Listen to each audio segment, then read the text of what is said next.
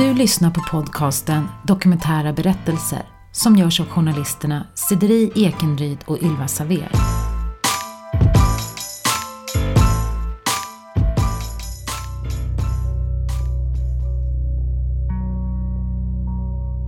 Jag var 12 år när jag började prostituera mig. Då hade jag blivit våldtagen ytterligare en gång utav en lastbilschaufför. Och jag trodde att det var bara knarkarna och alkoholister och kriminella som kunde acceptera mig för den jag var. De kommande två avsnitten ska handla om kvinnor i svenska fängelser. Vilka är de? Och hur har de hamnat där? För har man tillbringat 16 år på kåken så sätter ju det spår. Både i beteenden och, och som sagt, nej jag var ingen bra mamma helt enkelt. Vi ska börja med Birgittas berättelse. Hon är idag 78 år och lever ett vanligt liv med flera barn och barnbarn. Men som tonåring blev hon utnämnd av media till Stockholms gangsterdrottning och kom att spendera 16 år av sitt liv på olika institutioner. Både psykiatriska avdelningar och fängelset Hinseberg. Ganska ofta så syns och märks inte faktiskt. I avsnittet hörs också Denise Madsen, en av grundarna till organisationen Maskrosbarn, som stöttar barn med svåra hemförhållanden. För att som barn eh, som har det så här hemma blir man ju också en expert på att dölja hur mm. man mår och hur det är eftersom att det här ofta är kopplat till ganska stor skuld och, och skam. Så att man blir duktig på att liksom dölja hur man har det.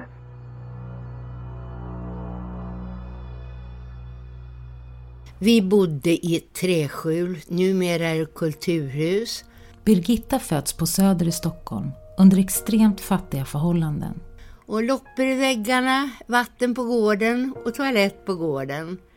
Och som sagt, vi var extremt fattiga och mamma var ensam med tre barn. Och det var ju efterkrigsåren, jag föddes 1943.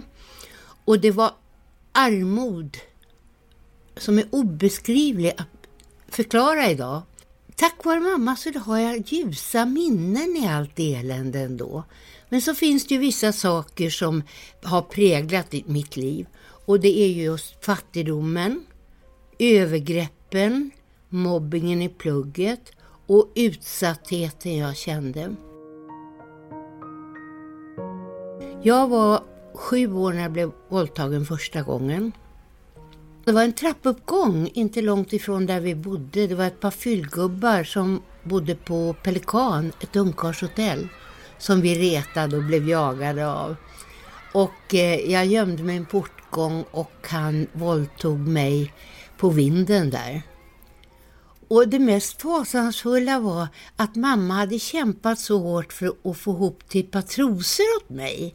För ungarna i plugget skrattade jag när jag gick i brorsans avlagda kalsonger. Så kom jag hem utan trosor. Och hon blev ju helt galen alltså.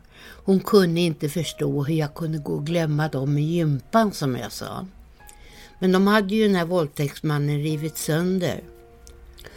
Och eh, det var fasansfullt. Men det svåra var att bära det inom sig. Jag berättade inte för någon. Jag berättade för min mamma först när jag var 25 år. Och eh, jag tror att det hade blivit annorlunda om jag hade fått ur mig den här smärtan. Men ingen såg hur dåligt jag mådde och det förvånar mig idag. Men i alla fall, den här våldtäkten, den första våldtäkten, den tog inte ifrån mig bara oskuld, den tog, den tog ifrån mig både självförtroende och självkänsla. Nej, det var en fasansfull upplevelse. Och det som förvånar mig, för att då förändrades jag så märkbart i beteenden och uppförande och jag blev om möjligt ännu mer destruktiv och att ingen frågar sig vad det berodde på. Jag kan bara svara för vår definition av ett maskrosbarn och då skulle jag säga att det är eh, ett barn som lever i en utsatt livssituation på något sätt. Denise Madsen grundare av organisationen Maskrosbarn. Ehm, och vår organisation riktar sig framför allt till de barnen som har föräldrar som har ett missbruk eller psykisk ohälsa. Vi vill veta hur det ser ut för barn som växer upp i Sverige idag. Det finns ungefär två miljoner barn i Sverige nu och enligt ehm, Statens folkhälsoinstitut så lever ungefär 380 000 av dem i en familj där ja, men en eller båda föräldrarna har en riskabel alkohol eller narkotikakonsumtion. Och det finns inga studier på liksom både på riskbruk, missbruk och psykisk sjukdom. Eh, men till exempel inom psykiatrin Södra i Stockholm här så hade ungefär 30 procent av patienterna barn som var under 18 år. Mm. Och det är ju verkligen inte alla som blir inlagda till följd av sin psykiska ohälsa eller ens kommer i kontakt med psykiatrin. Ehm, det finns siffror, andra siffror som visar att ungefär 200 000 barn lever med våld som en del av sin vardag. Så vi brukar kommunicera ungefär en halv miljon barn. Ehm, och jag tror att det här är en siffra i underkant, men det är den vi brukar prata om. Och jag trodde att det var bara knarkarna och alkoholister och kriminella som kunde acceptera mig för den jag var. Så jag sökte mig ganska snabbt i de här grupperna och blev accepterad. Och för mig var det lite utav bekräftelse att jag ändå hade någon.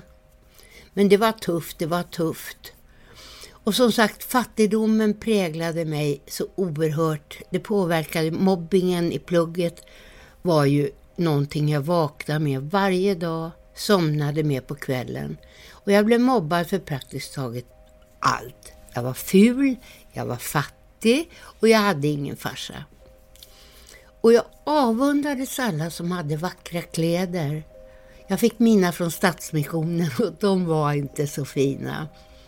Så jag blev lite besatt utav att en gång kunna klä mig vackert och röra mig med mycket pengar. Och jag glömmer aldrig en av våra grannar, hon hette Sivan och var prostituerad. Och jag frågade henne en gång, varför säger grannarna att du är ett fnask? Jo, jag är en hora, sa hon och skrattade och hon var vacker, blond och hade alltid mycket pengar. Och då tänkte jag, när jag blir stor ska jag också bli hora. För då får jag mycket pengar och alltid glad och lycklig och sådär, trodde jag. Men så blev det ju inte. Hon är 12 år när hon börjar prostituera sig. Då har hon blivit våldtagen ännu en gång av en lastbilschaufför. Och eh, då var mitt eh, eget värde, människovärde, sänkt till botten. Så för mig betydde det inte så mycket liksom att sälja min kropp. För jag hade inget egenvärde. Så jag sprang ju till fyllgubbarna uppe i Björns trädgård och fick några tior här och några tior där. Och min lycka var ju när jag kunde gå till vår bod och köpa Julia jumperset och så vidare. Birgittas mamma träffar en man som hon förlovar sig med. Det blir startskottet för Birgittas resa in i kriminaliteten. Och han såg ju allt mitt fuffens, jag småsnattade och jag var förjävlig helt enkelt.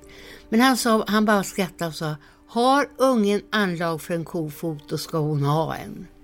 Så han nästan stöttade mig i mitt eh, kriminella beteende. Och jag vet, jag var inte gammal när jag åkte med honom på bedrägerirunder runt om i Sverige. Han blev sedermera väldigt eh, omnämnd i svensk kriminalhistoria som en av de största lurendrejerierna. Han gav mig en skola i bedrägeri helt enkelt. Och jag hade inga normer, jag hade ingen uppfattning om hur normala människor betedde sig, hur normala människor hade. För min barndom var dysfunktionell i ordets rätta bemärkelse.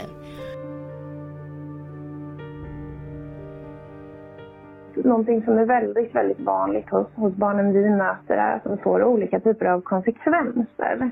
Denise Madsen igen.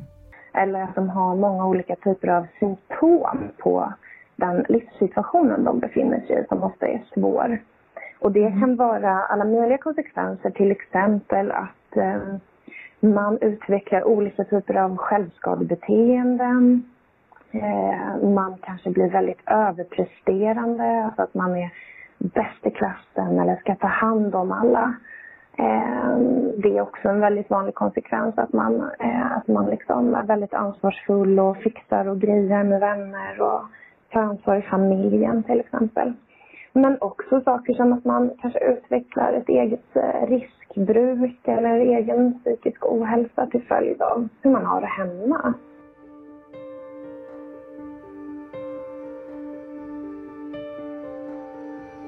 Det började ju med att man käkade piller, lyckopiller. Vid 13 års ålder började Birgitta ta droger. Preludin och Ritalina och, och livet blev ju rosenrött alltså. Så träffade jag en prostituerad och hon gav mig den första heroinsprutan.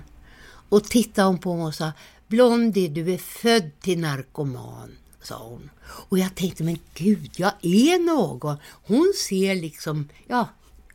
Jag byggde upp en roll som jag inte egentligen var ämnad för. Men knarket blev ju mer eller mindre mitt fördärv. Jag började ju sen med eh, centralstimulerande, knarkade som en besatt. Jag var ju så sjuk, jag hörde röster och jag hade tvångsföreställningar. Jag hade ett sånt självförakt för mig. Jag tyckte att jag var en stinkande bomb. Jag fick tvättmani. Jag satt i bakhar och skrubba upp huden på kroppen för jag tyckte liksom att jag bara utsöndrade och jag luktade, för alla knarkare luktar aceton, det gör de. Men jag kände att jag luktade värre än flertalet andra. Jag var förföljd utav lukter, utav röster. Och jag vet, jag sprang ju som en besatt på nätterna och var jagad, trodde jag. Och hörde röster och vidare. Nej, det var fasansfullt. Jag levde i en psykos helt enkelt. Alltså det var så fruktansvärt jag vet mamma kom in många gånger och försökte trösta mig. Jag såg råttor och jag hörde röster och... Nej, det går inte att beskriva.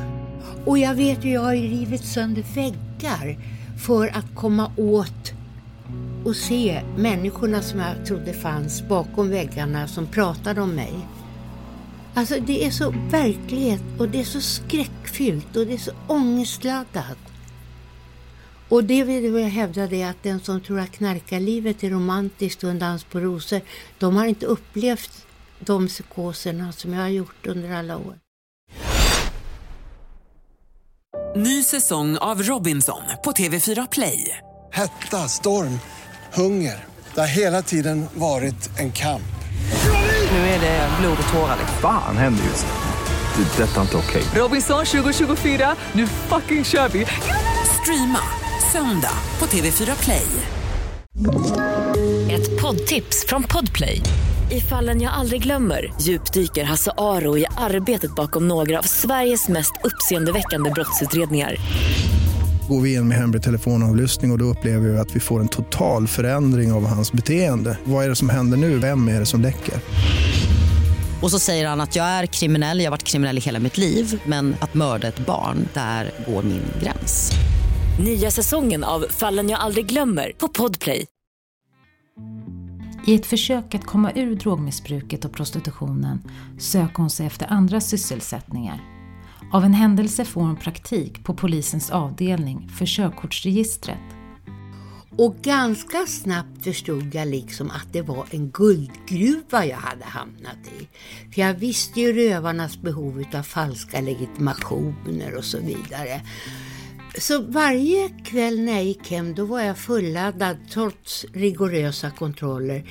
Då hade jag stämplar och körkortsunderlag överallt på kroppen och jag såg väldigt oskyldig ut när jag var ung. Det var ju ingen som kunde tro liksom att jag var en slipad eh, bedragare. Och så stod ju rövarna i kö för att köpa de här körkorten. Men jag märkte ganska snabbt att de var skitdåliga på att förfalska. Så jag tänkte, där kan jag göra bättre. Så jag började köpa upp falska körkort, eller körkort som jag förfalskade, checkhäften som jag satt hela nätterna och skrapade bort namnen på. På den tiden var det ganska lätt. Satt och pillade dit nya bokstäver. Sen åkte jag runt i hela landet och tog ut varor och tog ut pengar och kom sedermera ihop, blev gift med en av Sveriges främsta bedragare. Han är död idag. Och vi var ju lite som Bonnie och Clyde. Och eh, när jag åkte fast så var det ingen som kunde tro att den där lilla blonda ängen som satt där var, så de trodde alltid att det var männen som hade påverkat och styrt mig så jag kom ganska lindrigt ut i början. Men ganska snabbt förstod de att det var jag som var då nästan nyckeln i, eller här, ja, spindeln i nätet. Och då braskades det upp. Det var lite anmärkningsvärt att det var just en ung tjej då som var så fullslipad när det gällde bedrägerier. Men jag fick ett bra rykte, skaffade mig ett bra renommé i rövarkretsarna och så vidare. Nej, jag var ganska framgångsrik som bedragare. När hon är 21 år gammal börjar fängelsevistelserna, både på Långholmen och Hinseberg. Åren jag tillbringade var olika perioder på Långholmen. Det var fasansfull miljö. Det var just, nu är det ju ett fint konferenshotell. Där led jag inte så mycket utav miljön. Där utnyttjade jag tiden att läsa Hermodskurser i både det ena och det andra. Det svåra blev när man kom till Hinseberg. Även om miljön där var idyllisk, ett vackert slott och så vidare. Och det vad som var svårt det var att mentaliteten var så hård. Och framför allt att knarket var så utbrett. Och eh, det värsta var ju att på kåken fanns det mer knark än det fanns på plattan på den tiden. Så man fick aldrig möjlighet till avgiftning utan det enda var att man skaffade sig enormt mycket knarkskulder. Och knarkskulder var hedersskulder, de skulle betalas. Så så fort man kom ut, göra nya bedrägerier och så var ekorrhjulet igång. Och det som förvånade mig, det var att ingen utav personalen reagerade. Det var som man inte ville se, för påtända interner, de är fogliga interner. De bråkar inte, man smyger runt och så vidare. Och att det gick så lätt att ta in knark på den tiden. Ja, hur tog man in det? Ja, i vaginan eller till och med i anus. Och det var ju också vanligt att eh, en del vårdare tog in. Om det nu finns flera hundratusen barn i Sverige 2020 som lever under svåra hemförhållanden. Hur ska de då kunna upptäckas av utomstående? Vi hör Denise Madsen igen, grundare av organisationen Maskrosbarn. Ganska ofta så syns det och märks inte faktiskt. För att som barn eh, som har det så här hemma blir man ju också en expert på att dölja hur mm. man mår och hur det är eftersom att det här ofta är kopplat till ganska stor skuld och, och skam. Så att man blir duktig på att liksom dölja hur man har det. Eh, jag tänker självklart att det finns saker som, ja men om vi pratar om skolan, att man kanske inte dyker upp i skolan eller har svårt att koncentrera sig. Och det är ganska naturligt att det kan vara svårt att fokusera på skolarbetet om man är väldigt orolig för vad man ska mötas av när man kommer hem. Tillbaka till Birgittas berättelse igen. Vid 27 års ålder sitter hon på Hinseberg Samtidigt är hon gravid. Då la jag av med knarket. Och det som jag är mest irriterad på att det hade de andra knarkarna på kåken väldigt svårt att acceptera. Då kom de med sin lilla pulverpåse på morgnarna för jag var ju en bra kund.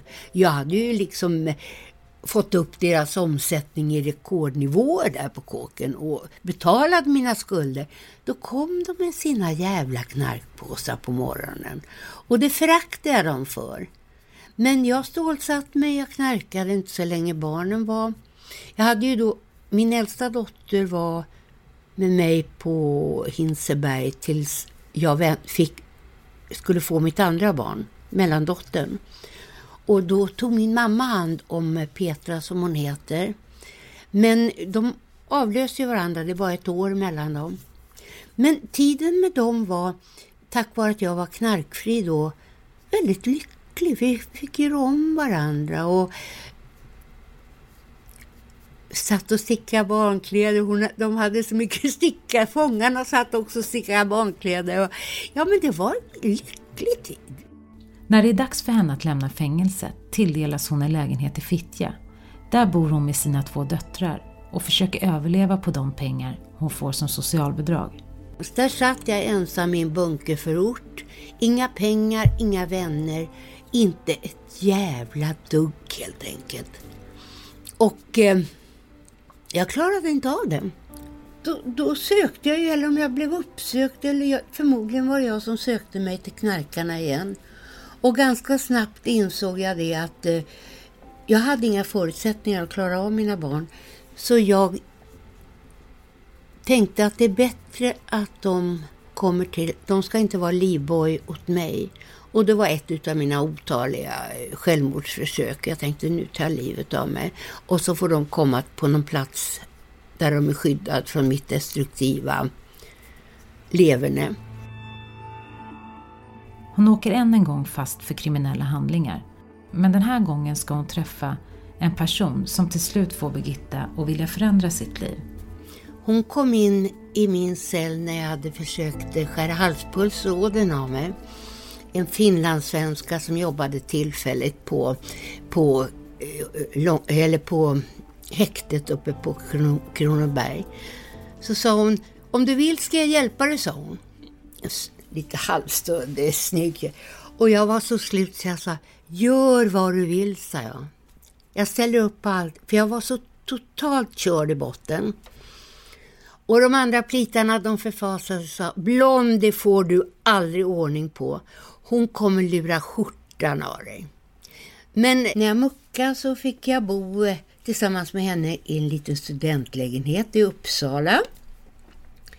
Sen tog hon upp mig till sina föräldrar i Umeå Holmsund. Där fick jag vara i karantän. Louise hon slängde mina kläder. Jävla horkläder sa hon, de ska du inte ha. Jag fick lära mig prata. Jag fick lära mig äta ordentligt. Och liksom de här mest elementära uppgifterna som en människa växer upp med, de klarade inte jag av. Det fordrade verklig träning alltså. Så småningom kommer hon även in på journalistutbildningen i Kalix. Hon får toppbetyg och börjar direkt arbeta i Luleå. Jag fick ju ett toppjobb då som redaktionssekreterare på landstinget i, i Luleå och ingen visste om min bakgrund. Jag kom in tack vare att jag hade så fina betyg från skolan. Men eh, det hände vissa grejer som gjorde att jag kände att jag kunde inte vara kvar där. Det var en kille som eh, knäckte mig totalt. Han berättade för alla vilken hora jag var och vilken gangster jag var och han var fasansfull. Så jag eh, sökte nytt jobb i Stockholm och då såg jag att Arbetsmarknadsstyrelsen sökte en byrådirektör in, inom information. Och jag tänkte, hurra, jag tar det där för att få en gratisresa ner till Stockholm.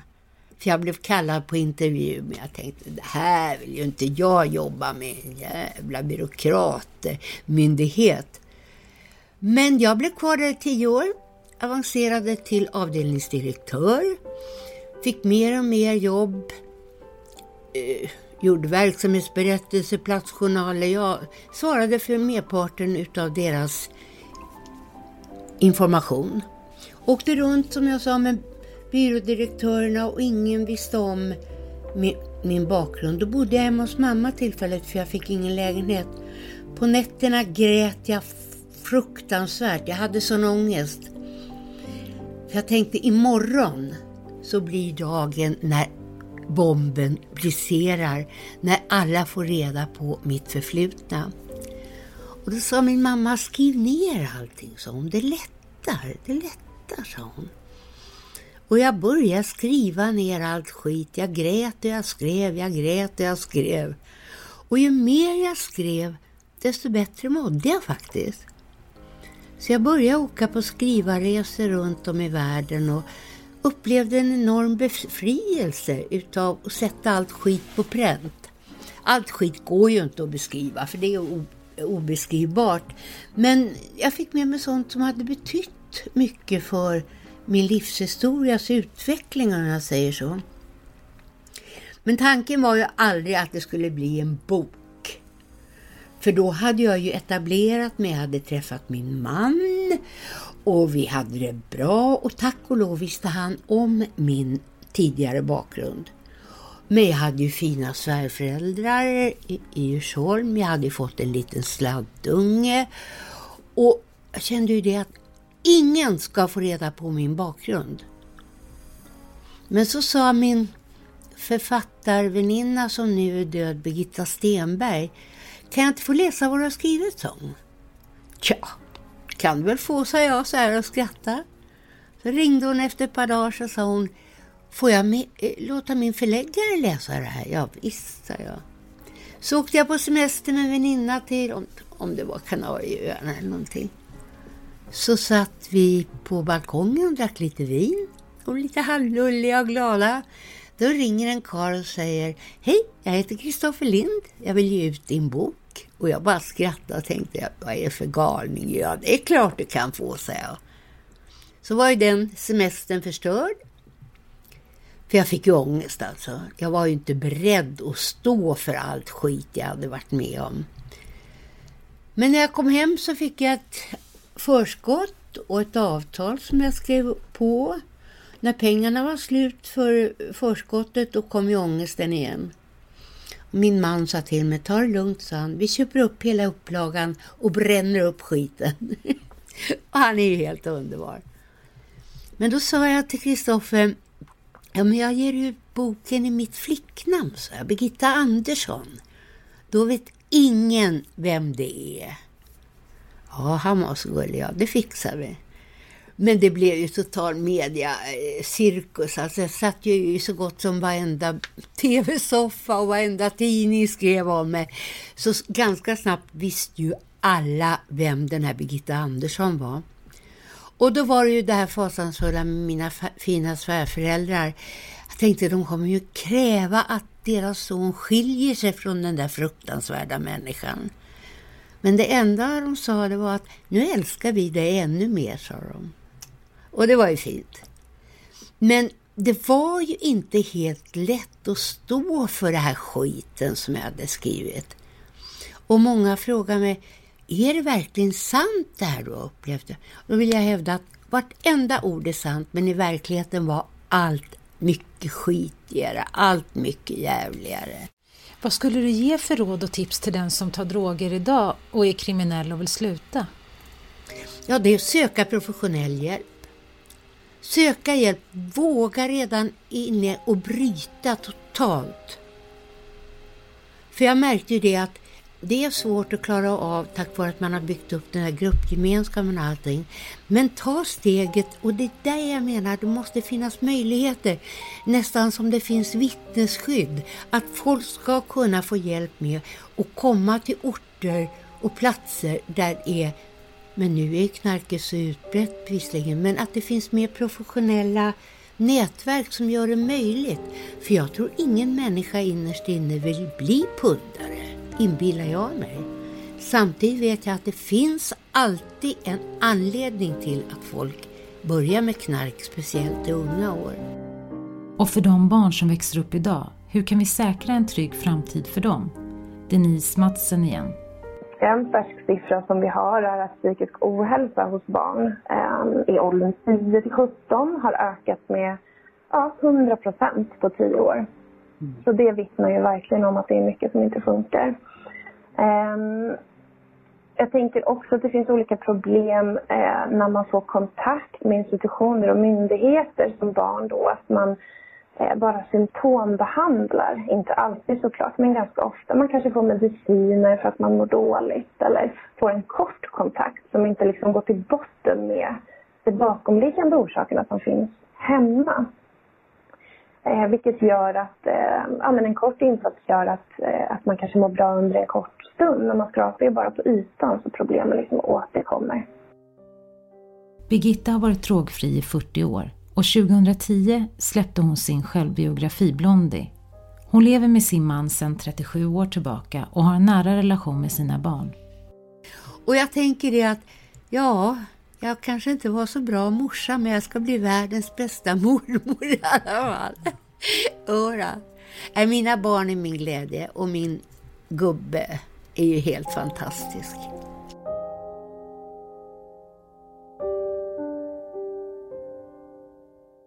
I nästa avsnitt. Från att jag började med mina droger där då vid 17-18 års ålder då. Sen slutade jag när jag var 50 år med mitt amfetamin. Lena berättar om sin tid i svenska fängelser.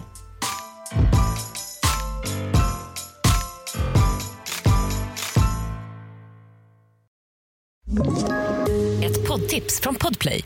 I podden Något Kaiko garanterar östgötarna Brutti och jag, Davva, dig en stor dos skratt. Där följer jag pladask för köttätandet igen. Man är lite som en jävla vampyr. Man har fått lite blodsmak och då måste man ha mer. Udda spaningar, fängslande anekdoter och en och annan arg rant. Jag måste ha mitt kaffe på morgonen för annars är jag ingen trevlig människa. Då är du ingen trevlig människa, punkt. Något Kaiko, hör du på Podplay. Därför är gardinerna.